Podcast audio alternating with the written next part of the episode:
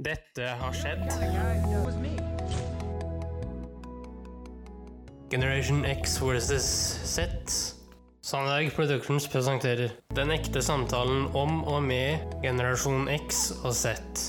Hold deg fast og nyt. Hei, hei, kjære lytter, og hjertelig velkommen til dagens episode av Generation X versus Z.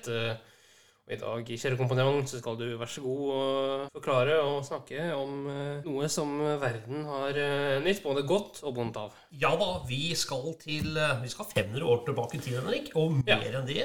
Hva har det med, med nå å gjøre, liksom? Men du har svar på det, Henrik? Ja, jeg bare sier Tysklands Henrik Notne. Ja, det kan du gjerne gjøre. Og det var altså en person som både endret kristendommen, eh, men også som gikk eh, paven midt imot og var en skikkelig tøffing. Ja. Og den personen som er sentra for dette her, er altså Martin Luther. Han var altså en tysk teolog, født 1483. ja, ikke sant. Det er jo lenge siden, da. Nå vet jo verken du eller jeg når lytterne hører på dette her. Nei, fordi vi er midt mellom to race, vi nå, gutten min. ja, eh, for de som lurer, så er det da eh, British Grand Prix som eh, både går og har gått når vi spiller inn dette her. Vi skal nå videre over til faktisk reformasjonen, Henrik. Og Ja. hva nå det betyr. Og det har noe med kirken å gjøre, det har noe med kristendommen å gjøre. Og eh, for å si sånn tidlig middelalder, sånn eh, 1050-1350 sirkus, så hadde kirken ekstrem makt. Da hadde kirken ca. Ja, de sier at det er 50% av all jord. Det forteller jo ganske mye, da, for å si det sånn. Og så eh, begynte de å bli litt høy på seg sjøl. Sånn utover eh, 1350 og 1500 så eh, var det flere og flere sånn, mislikte mer og mer eh, kirkens makt, og hva det, det betød både for, for kongene selv, men ikke minst også for, for befolkningen.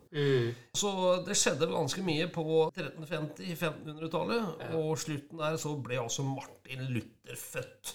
Det er jo sånn at når vi mennesker får for mye makt, Ja, så blir de ekstremt høye på seg sjøl, og Ja. det gjorde jo også kirken og paven. ja ikke sant. Og ønsket selvfølgelig å bygge verdens største kirke i Roma, altså Peterkirken. Og Henrik, den har jeg vært i, og den er gedigen og ekstrem. Og noen måtte jo betale for det, og det var jo selvfølgelig avlatsbrevene som da ble funnet opp for å finansiere den store kirken. Ja, en eh, form for skatteinnkrevelse er det det det var. Ja, mer eller mindre. Det var sånn, Henrik, at hvis jeg da som pave eller biskop ga deg et brev, og du betalte masse penger for det, så kom ikke du til helvete. Ja, altså du, du, fri, da. du fikk et veldig eh, hyggelig eh, brev i godsetegn. Ja, mot betalingsøver, da, som finansierte Peterkirken. Eh, og det finnes jo nok av både eh, gale paver og monarker. Eh, hvis du heter Johannes og er pave, så er du mest sannsynlig gal. Ja vel. Eh, og det er det flere grunner til. Det kan du eventuelt google, eh, kjære lytter. Ja, det var interessant, da. Ja, det er mange gærne folk. Men det som er fascinerende, da, er at det er mange av de gærne folka som liksom får noe makt der. Men altså, Vi tar ikke den diskusjonen nå, men Nei. vi skal rett og slett tilbake til renessansen. Ja. for å sette det hele i en sammenheng og en historisk kontekst. I hvert fall med tanke på den tiden eh, som Martin Luther levde, så tenkte vi skulle høre en liten lydklipp på to og et halvt minutt. Det klarer vi, folkens. Ja. Eh, og det er fra NRK skole. Skal vi høre? ja.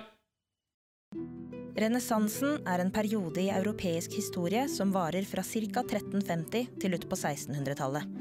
Samfunnet endrer seg radikalt i løpet av relativt kort tid, og mye av det vi forbinder med renessansen, skjer i den norditalienske byen Firenze. Ordet renessanse betyr gjenfødelse, og epoken får denne betegnelsen av ettertiden fordi kunstnerne og tenkerne lar seg inspirere av antikken, spesielt de gamle romernes tanker og idealer. De gamle tankene aktualiseres på ny. De studerer mennesket nærmere, både kroppen og den enkeltes følelser.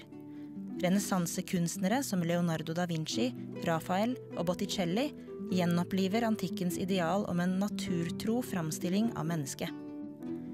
Forfatterne henter ideer fra antikkens skrifter.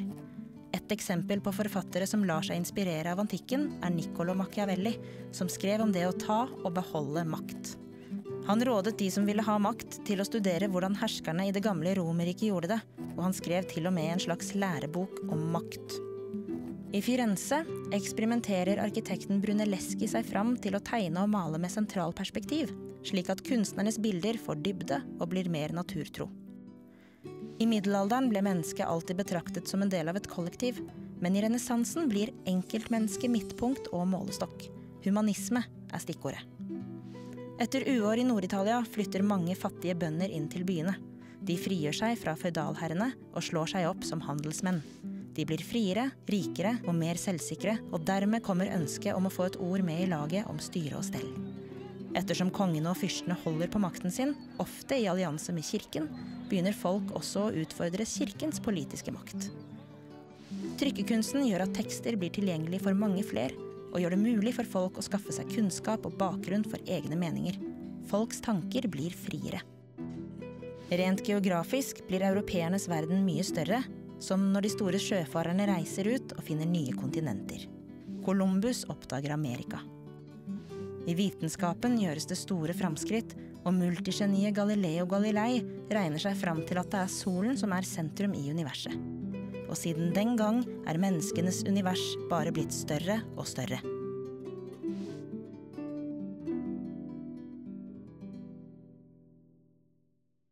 Ja. Det var renessansen. Det var liksom den tidsepoken der Martin Luther vokste opp. Hva, hva, hva tenker du, da? Nei, det var jo veldig mange oppdagelser som i dag ble, kan tas for gitt. Nå var det ikke snakk om han da spesifikt, men det var jo snakk om han levde i. Altså det som den gang var samtiden. Ja, fordi Martin Luther han mente at altså, det var ikke kirken som skulle være talsrøret mellom mennesket menneske og Gud. Det skulle mennesket selv gjøre. Men ha, har du noen tanker om han eh, Martin døde? Ut ifra det du sier, så eh, vil man vel kanskje romantisere tanken om han og eh, Det vil man vel gjøre, Henrik, fordi det, han var jo på vin vinnerlaget, Ja. for å si det eh, sånn. og man har jo utelukkende fokus på det som var bra Ja. med Martin Luther. Og det jeg tror, da, det er at ja. eh, mange gjør ting som er veldig bra, men det er også mye dårlig i de menneskene. Eh, Ja, ok. Interessant vinkling på det hele, Henrik. Og det, vi skal ikke kimse av det heller. Neida. Det er som sagt, han var jo med på vinnerlaget. Og eh, Ja, det er de som eh, forteller historien. tro, i hvert fall. Det, ja. Og, og, men eh, de 95 tesene som han da sannsynligvis da har spikret fast på en kirkedør, eh, det rommer jo da historien. Og det vi skal høre mer av, Henrik, det er litt mer om Martin Luther. Og på svensk, altså. Yes.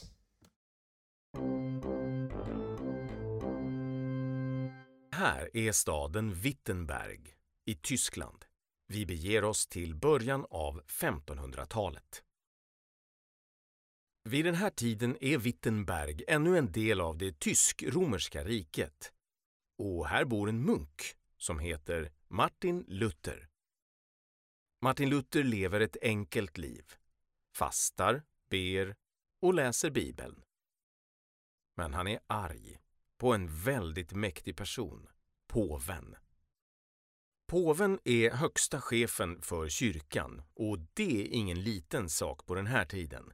Det är bara Gud själv som är mäktigare. Påven och hans biskopar skrämmer folk.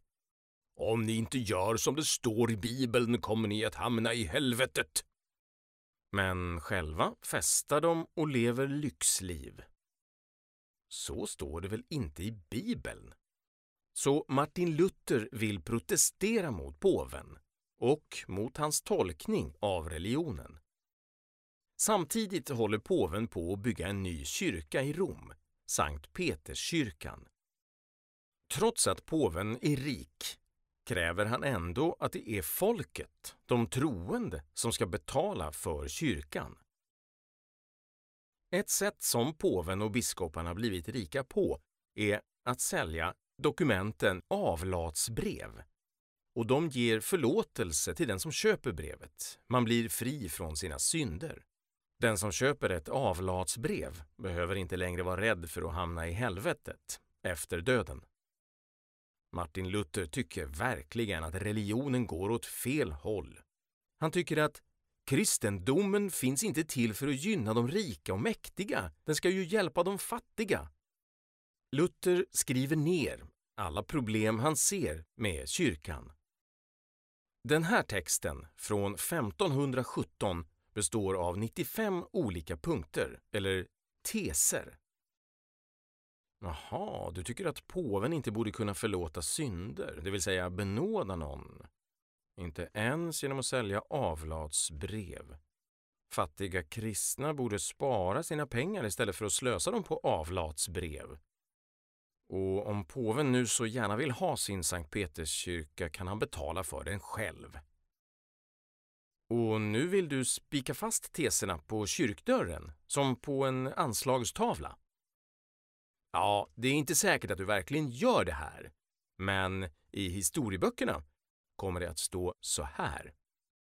År 1517 spikade Martin Luther sina 95 teser på kyrkdörren i Wittenberg. Så kommer folk att säga. Påven tycker inte alls om det här. Klart folket ska betala för min fina kyrka. Martin Luther inkallas därför till staden Worms. Här kräver påven att Luther tar tillbaka, att han återkallar över hälften av sina teser. Martin Luther vägrar och säger att det är påven som har fel. Då ryter påven till och säger att om du tänker kritisera kyrkan så här får du inte vara med längre. Påven sparkar ut Martin Luther ur kyrkan. Han exkommunicerar honom. Ja, vad tänker du göra nu? Översätta Bibeln? Ja, det är en bra idé. Vid den här tiden är Bibeln bara översatt till latin, så de flesta kan inte ens läsa den. Dessutom är böcker skrivna för hand, så de är väldigt sällsynta. Men medan Martin Luther översätter Bibeln så uppfinner någon annan tryckpressen. Och plötsligt kan man enkelt trycka böcker. Nu kan många fler läsa Bibeln på sitt eget språk och faktiskt förstå vad det står. Nu är du inte så arg längre, va?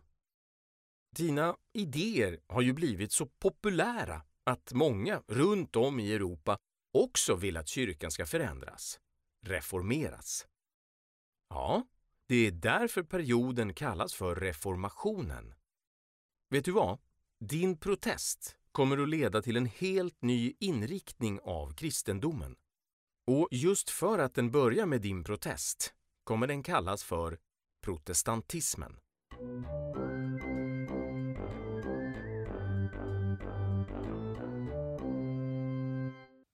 ja.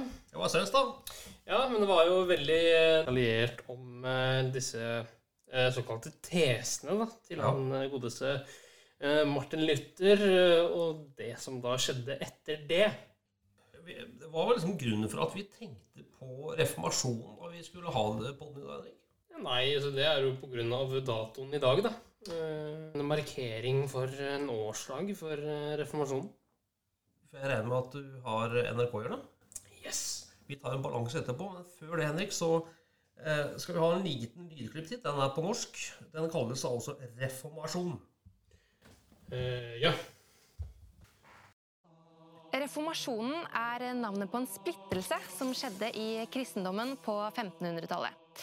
Reformasjon betyr forandring, og det hele startet midt i Europa.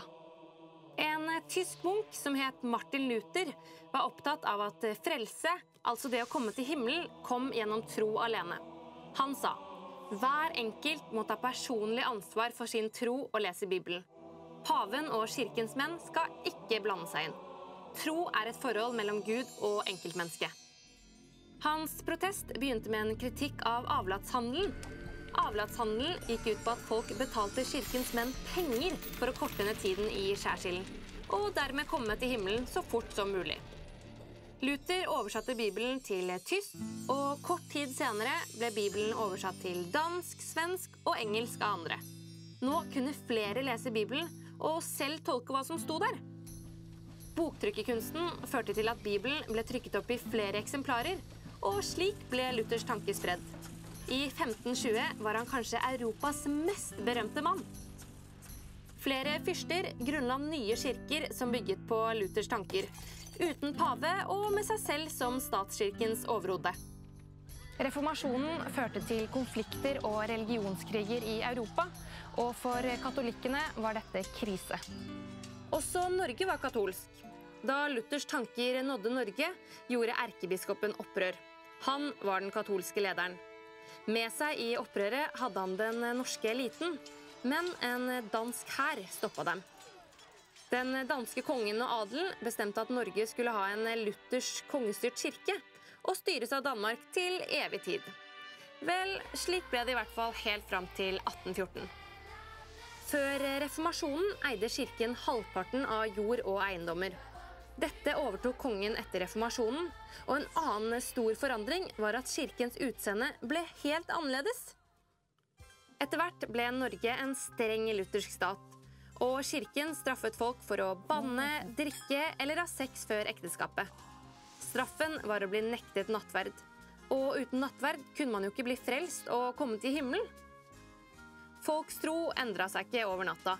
Mye fortsatte som før, og folk dyrka f.eks. helgener i smug. Og selv om katolikker ble jagd ut av landet hvis de ble oppdaga, fortsatte noen å være det. I dag er ikke den lutherske kirke så streng. Når man kan tolke Bibelen selv, blir det mulig å tilpasse det som står der, til det samfunnet vi lever i. Både for prester og vanlige folk. I dag kan jo f.eks. kvinner bli både prester og biskoper, og homofile kan gifte seg i kirka.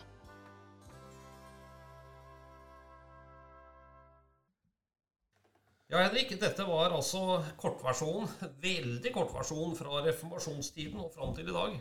Ja, vi har hatt nå sammenlagt tre lynkurs i reformasjon, eh, og det var eh, Ja, her er det godt unna. Ja, eh, vi har jo brukt en del tid nå på å dekryptere og diskutere det vi har hørt. Og det med god grunn. For som vi var inne på i stad, så er denne datoen her en markering av protestantismens dagslys i verden. Hva tenker du, Henrik, dersom vi hadde vært eh, katolske, da? Nei, altså Det hadde vel vært en del strengere, da. Ja. ja. Hadde vi hatt det bedre, eller hadde vi hatt det dårligere? eller Vanskelig å si. De av våre lyttere som har noen kommentarer til akkurat den biten, kan jo sende det inn. Kanskje vi kan skape noe for en debatt? Ja. Det vil vi ha uansett hva. Vi vil også ha temaer til fremtidige episoder. Det tas imot med takk. Det kan du gjøre ved å sende oss en mail eller uh, melding på Messenger. Uh, E-postadressen er generationxworsz.com, og uh, Messenger-navnet er generationxworsz. Eller så kan du legge igjen en kommentar i det kommentarfeltet du selv ønsker. Eller så kan du oppsøke enten meg eller min seriekompanjong på Messenger privat. Det har også skjedd. Ja. Det gjør vi, Henrik. Eh, og som regel i, i våre podder så har jo du også sånne Jeg skal kalle det en form for en, en balanse ja. gjennom NRK. Har du det i dag også? Ja da.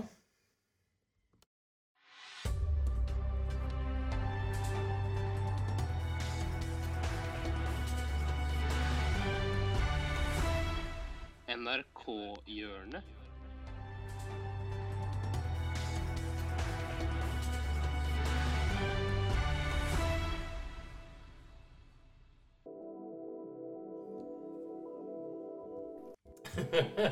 Ja. Jo. Ja. Nå skal vi prøve, i hvert fall, da. Okay. Å ta opp et tema som har vært veldig aktuelt eh, på 2000-tallet og delvis 2010-tallet og eh, også nå. Det er nettopp eh, hvordan hadde Norge vært uten disse utlendingene, eller eh, de som ikke er av norsk opprinnelse? Ok, ja, ja. Skal høre et lite klipp eh, om det, og eh, med en satirisk twist. Ja, du, får, du vil reformere der òg, eller? Nei, jeg vil bare, jeg lansere et scenario eh, hvor det er tilfellet, da. Ja, ok.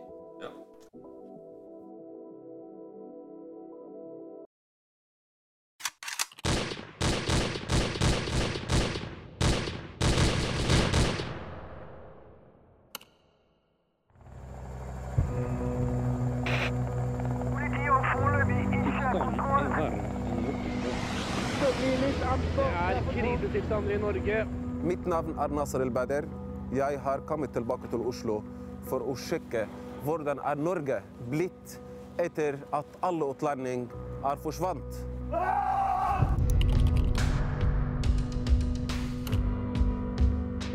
Derfor sier Fremskrittspartiet nei. Er dette til å leve med? Alt dette med.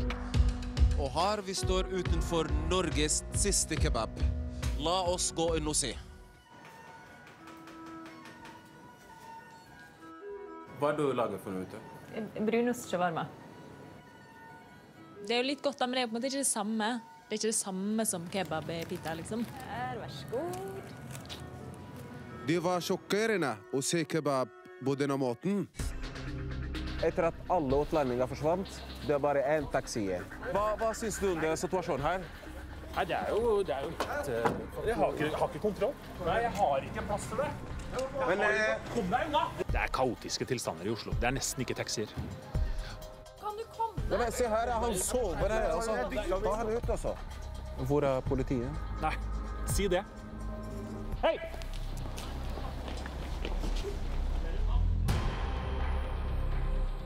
Eh, nå skal du høre. De har kutta halve politibudsjettet fordi de tenkte at utlendingene sto for eh, mesteparten av kriminaliteten. Så kan du se ut, eh, se ut av døra og se hvor lite kriminalitet det er. Politiet er ikke mange nok for å håndtere kaoset. Det begynte å bli litt ampert her på torget nå. Hender det at det går ei kule valg? Ja, selvfølgelig. Til og med de som var mot utlendinger, de vil ha dem tilbake. Max Hermansen har stått i spissen.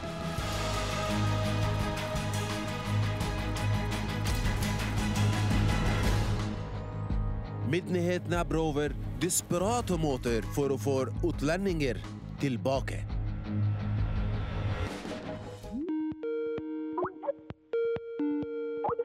Yes, hello. This is uh, the Norwegian uh, negotiation uh, team. Uh, my name is uh, Øystein Førde, uh, but they used to call me Pakkis Øystein. Hva, hva var det du sa? Pa Pakkis Øystein. This is uh, because I used to hang with you guys. Uh,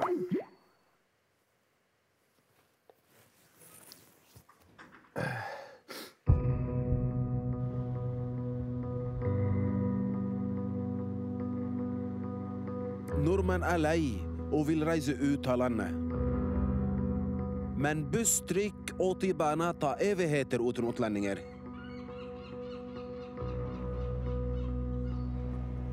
Her en gang på Grønlandstorv Hva?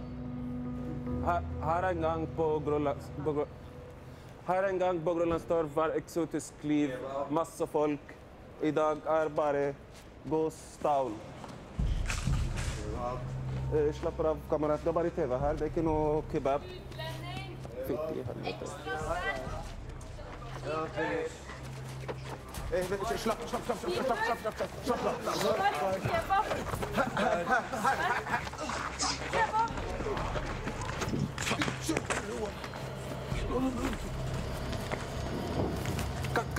Kan vi skal tilbake til Arabistan? Det er altfor farlig. Løp, løp, løp!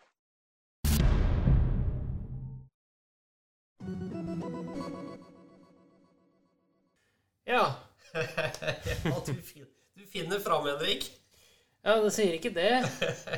Så herlig. Jeg bare nøter situasjonen sammen med deg og bare gleder meg til neste uke hvor du skal stå ved eh, hovedtingen. Ja, eh, og neste uke så skal vi til eh, Real Life Ironman, som han også blir kalt. Eller The Irish Ironman. Ja, Tøffing han òg. Ja.